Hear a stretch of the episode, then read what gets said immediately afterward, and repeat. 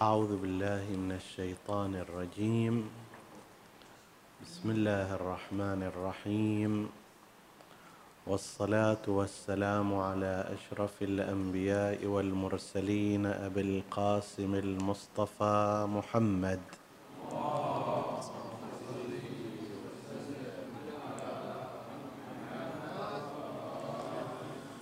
وعلى آل بيته الطيبين الطاهرين المعصومين المكرمين. السلام عليكم أيها الإخوة المؤمنون ورحمة الله وبركاته. مما ورد في كلام رسول الله صلى الله عليه وآله في قضية خطبة علي أمير المؤمنين عليه السلام لفاطمة الزهراء صلوات الله عليها أن النبي قال بعد أن حمد الله وأثنى عليه بما هو أهله قال ثم إن الله جعل المصاهرة نسبا لاحقا وامرا مفترضا وشج بها الأرحام وألزمها الأنام فقال تبارك اسمه وتعالى جده وهو الذي خلق من الماء بشرا فجعله نسبا وصهرا وكان ربك قديرا. ثم إن الله عز وجل أمرني أن أزوج فاطمة من علي وإني أشهد أني قد زوجتها إياه على أربعة مثقال على أربعمائة مثقال فضة. أرضيت فقال علي عليه السلام قد رضيت يا رسول الله. هذه الكلمات تشير إلى حقيقة أن زواج النورين علي وفاطمة لم يبتدئ من الأرض وإنما ابتدأ من السماء. وإن الله أمر نبيه أن يزوج هذين النورين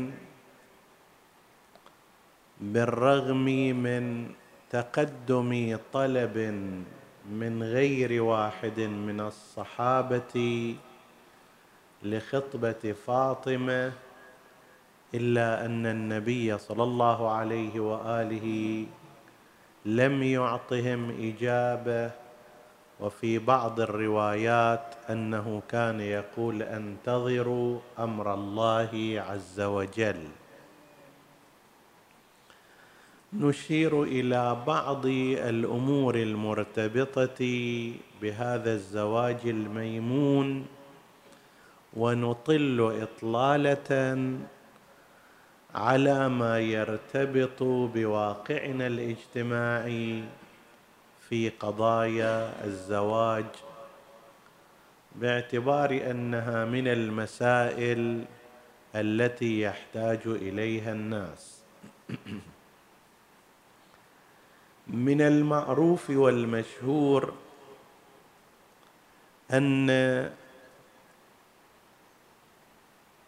مهر فاطمة عليها السلام كان أربعمائة درهم وفي بعض الروايات أربعمائة وشيء.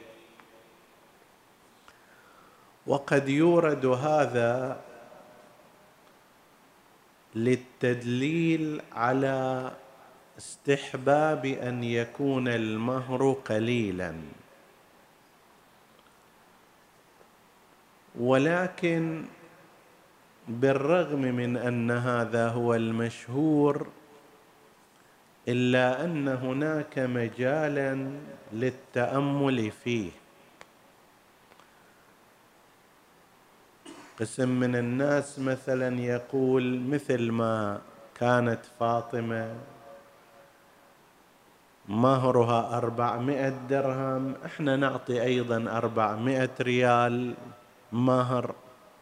هذا مهر السنة مثلا. هناك طريقتان لحساب مهر فاطمة الزهراء عليها السلام. الطريقة الأولى أن نحسبه بالعدد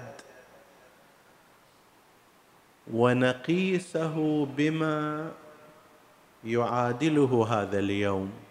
يعني أن نأتي ونقول درهم الفضة كم يساوي الآن؟ نضربه في أربعمائة ينتج مهر فاطمة. وبناء على هذا الدرهم يساوي اثنين ونص غرام بحسب مقاييس هذه الأيام. والغرام في هذه الأيام غرام الفضة في هذه الأيام حدود اثنين ريال. درهم فضة غير مصاغ. لغرام منه غير المعمول غير المصاغ. يساوي اثنين ريال. فإذا إجيت ضربت مثلا أربعمائة في اثنين ونص راح يصير ألف.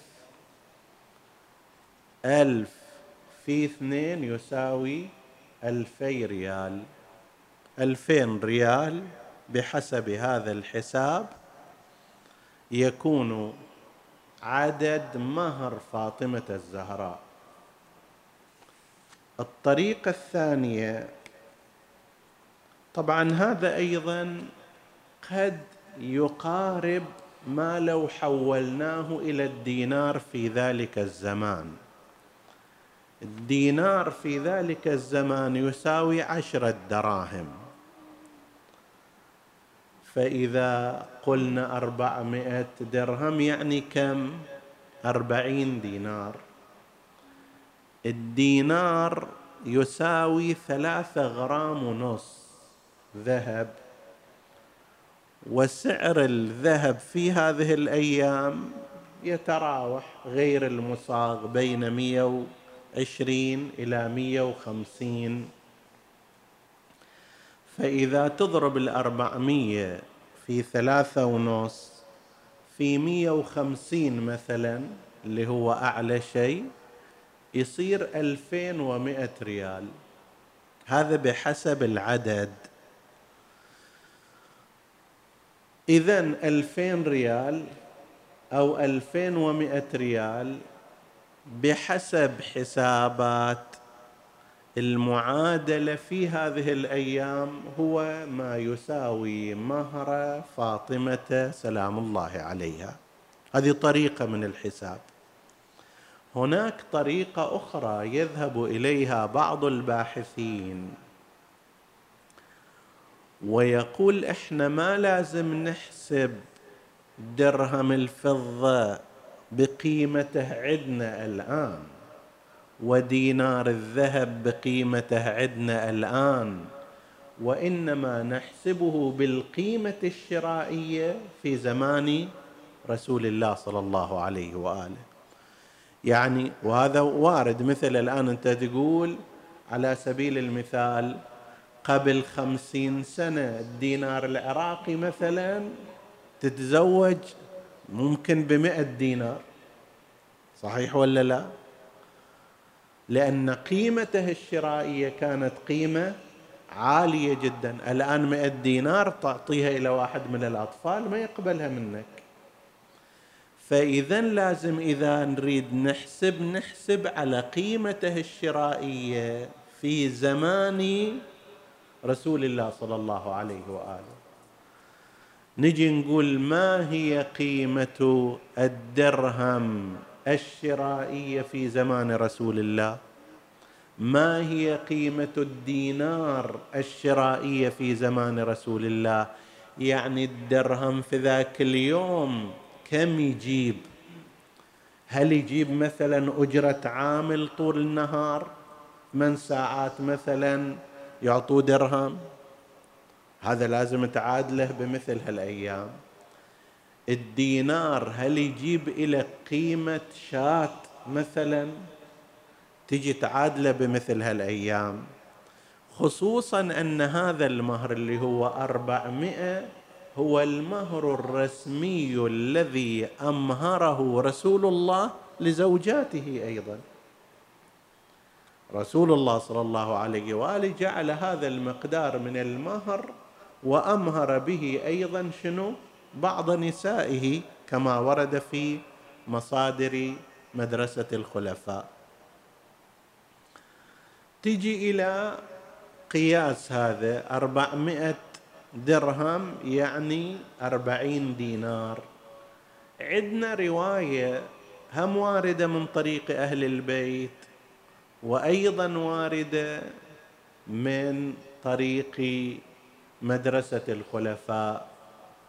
يذكرونها العلماء وأصحاب الكتب الحديثية في باب المكاسب والمعاملات المالية. رواية مفصلة. حاصلها أن رسول الله صلى الله عليه وآله أعطى أحد الصحابة دينارا ليشتري شاة. بس هذا كان شاطر. فراح اشترى بدل الشاة شاتين. والنبي دعا له بالبركة في صفقة يمينه. فالمعدل العام كان دينار يساوي شاة واحدة. فتجي تقول مه هذا المهر اللي هو أربعمائة درهم ويساوي أربعين دينار باعتبار أن الدينار يساوي عشرة دراهم هذا يساوي في الواقع أربعين شاة زين تجي تحسب الآن أربعين شاة كم تساوي؟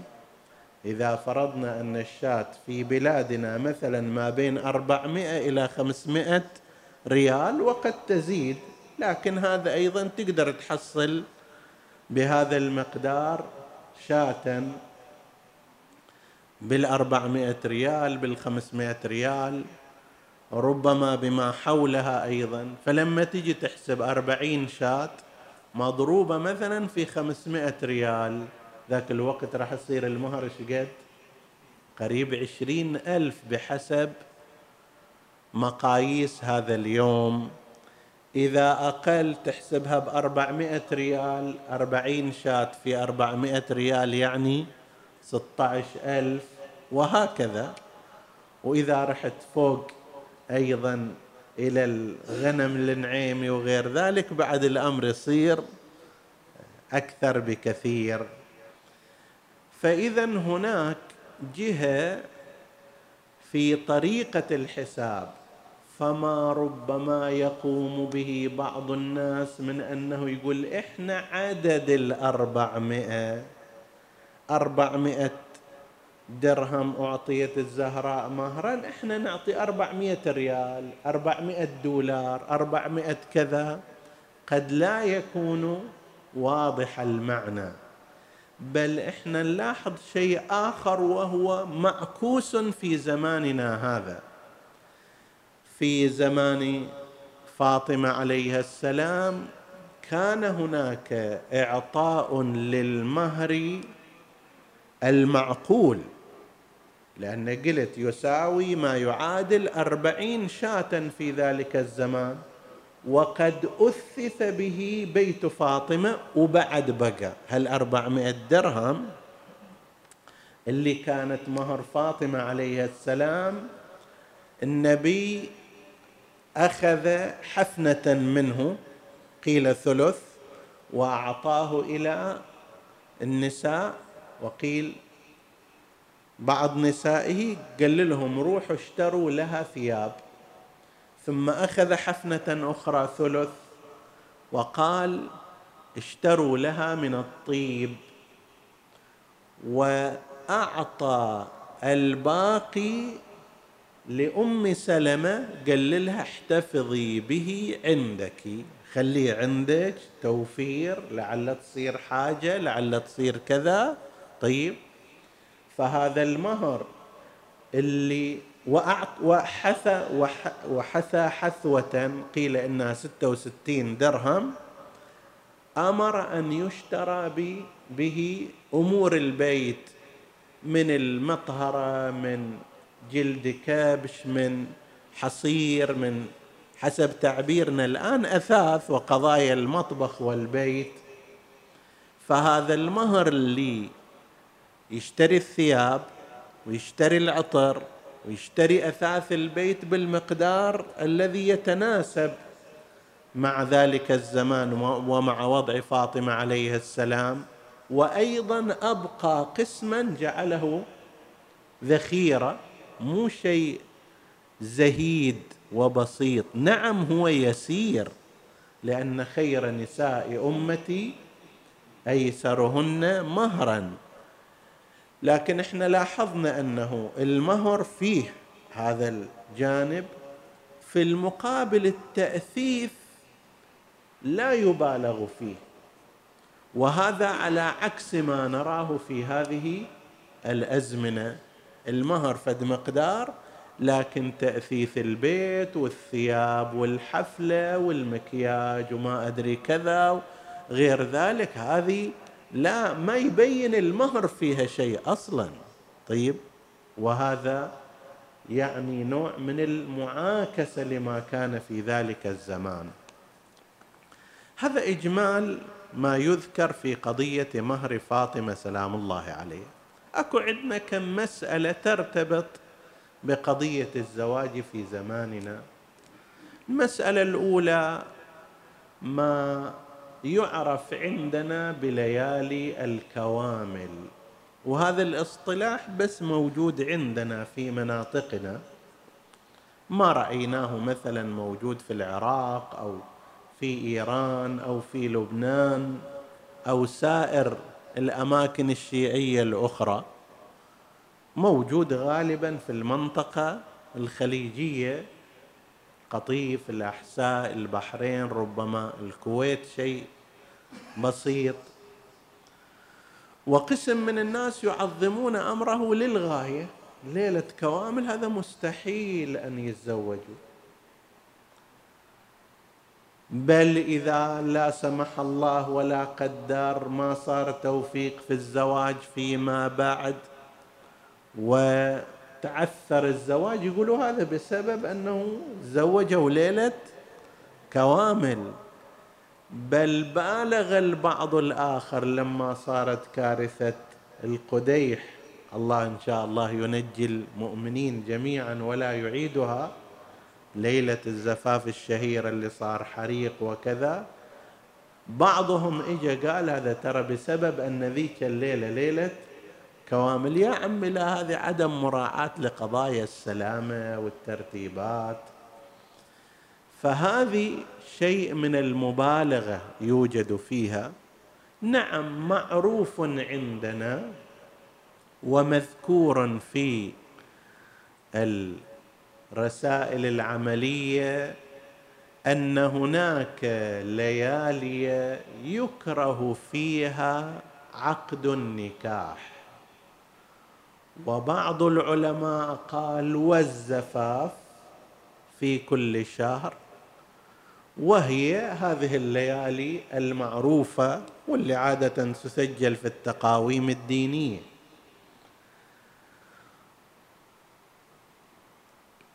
كثير من العلماء وكثير من المجتمعات المتدينة والشيعية لا تعطي هذه القضية ما نعطيه في مناطقنا من الاهتمام. يتزوجوا أصلا ما يسألون الليلة كوامل لو ما كوامل.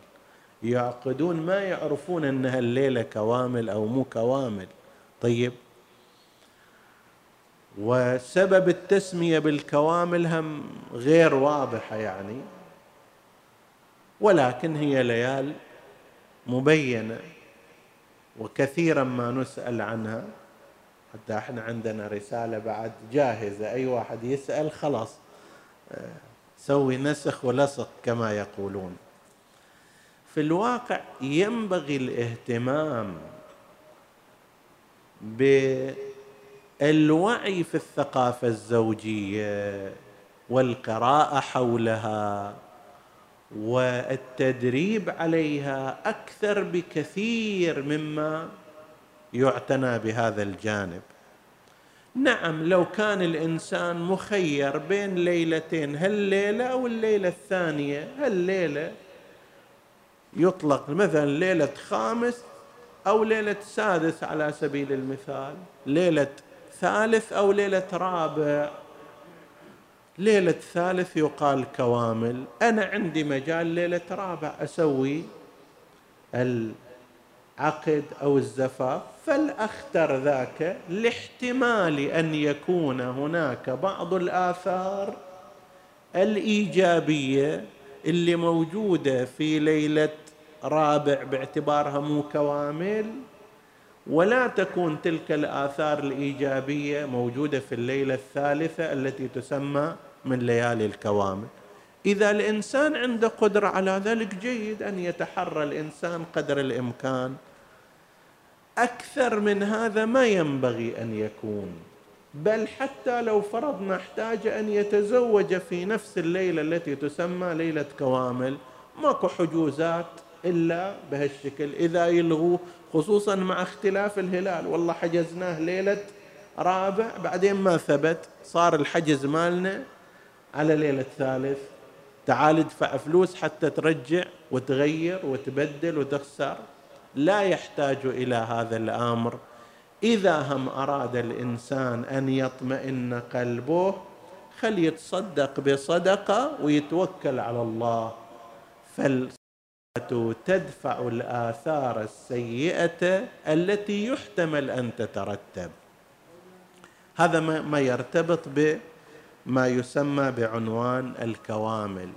ليالي المناسبات الحزينة أيضا واضح أنه لا ينبغي أن يكون زواج الإنسان فيها لا سيما الليالي الشعائرية المهم. ليالي عاشوراء على سبيل المثال ليالي وفيات المعصومين سلام الله عليهم. فإن الإنسان الطبيعي لو كان مصابا بأبيه أو أخيه أو كذا لم يكن ليتخذ تلك الليلة ليلة فرح وزينة وما شابه ذلك.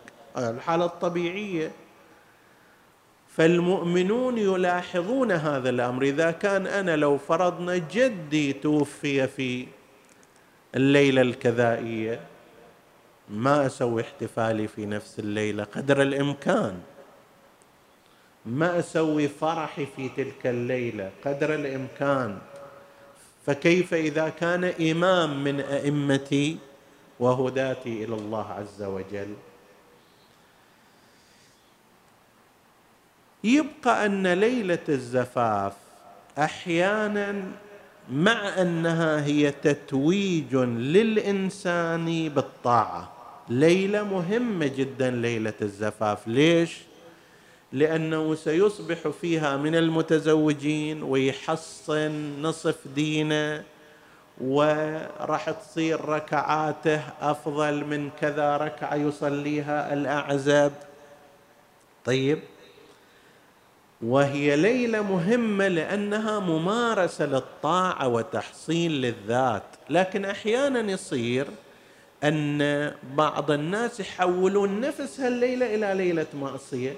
المفروض أنها تكون ليلة احتفال بالطاعة والبركة والخير. فإذا بها تتحول إلى ليلة ممارسة للمعصية. مثال بعض النساء سواء كانت العروس وأحيانا بعض ذويها هالليلة لازم يتمكيجوا. طيب إذا يتمكيجوا لازم يروحوا إلى الكوافير. حجز مبكر قبل الأذان. تعال سوي لك مكياج. طيب صارت وقت صلاة. المغرب توضى تقول كيف اتوضا الحين؟ أنا صارفه على المكياج 500 ريال. أجي أتوضأ كل هالكريمات وكل هالمساحيق وكل هالخطات وكل هالألوان تروح. فماذا أصنع؟ لا تصنع شيء لازم تتوضأ. ليس من موارد التيمم أيضا. طبعا هي حتى بالتيمم ما ترضى. شلون أخلي تراب على وجهي؟ طيب. زين. أنت تتركين الصلاة في وقتها. من أجل أن تحتفل أختك مثلا أو بنتك أو أنت تحتفلي بالدخول إلى رحاب الطاعة وتحصين الدين بواسطة ترك الصلاة من خلال أنه واحد. واحدة ما تقدر تتوضأ على أثر استعمال هذه المكياجات. نعم قسم من المتدينات وهن كثيرات بحمد الله. يتوضوا قبل ما يبدأ هذا البرنامج. فإذا توضأت خلاص بعدين خلي تضع على وجهها ما شاءت. طيب وما يأثر هذا في موضوع الصلاة في قضية السجود غالبا لأن الشيء اللي يوضع ليس مما يحجب البشره عن السجود. إذا كان متعارف ومعقول. فهذه مثلا من الأمور التي ينبغي اجتنابها. ما يرتبط بقضايا الغناء والموسيقى وما شابه ذلك. للأسف بعضهن وبعضهن ربما من المتدينات تقول هاي ليلة العمر ليلة وحيدة في عمري أنا كيف ما أحتفل فيها؟ لازم أجيب فرقة ولازم أجيب مغنية ولازم أجيب طقاقة ولازم أجيب كذا. طيب زين هي هذه ليلة ليلة ليلة العمر لدخولك إلى رحاب طاعة الله وتأمين نفسك في هذا الجانب. تلاحظ مثلا في الجانب الآخر كيف الدين يتعامل مع هذا. يقول خلي الزوجة تصلي والزوج يصلي. وكانت عادة الحمد لله لا تزال مستمرة لا أقل إحنا نشوفها في وسط الرجال. أنه يزفون عادة في مناطقنا إلى المسجد يصلي ركعتين ثم بعد ذلك تكتمل الزفة مالته. هذا شيء طيب استقبال الحياة الزوجية وليلة الزفاف بذكر الله بالصلاة لطرح البركة في هذه الزيجة. أما بالعكس أنه وحدة تترك الصلاة الواجبة حتى لا يتخرب. مكياجها وين هذا؟ وين هذه المرأة التي تصلي قبل أن تزف إلى زوجها؟ صلاة مستحبة أكو ليلة الزفاف. دعاء مستحب ليلة الزفاف للرجل وللمرأة.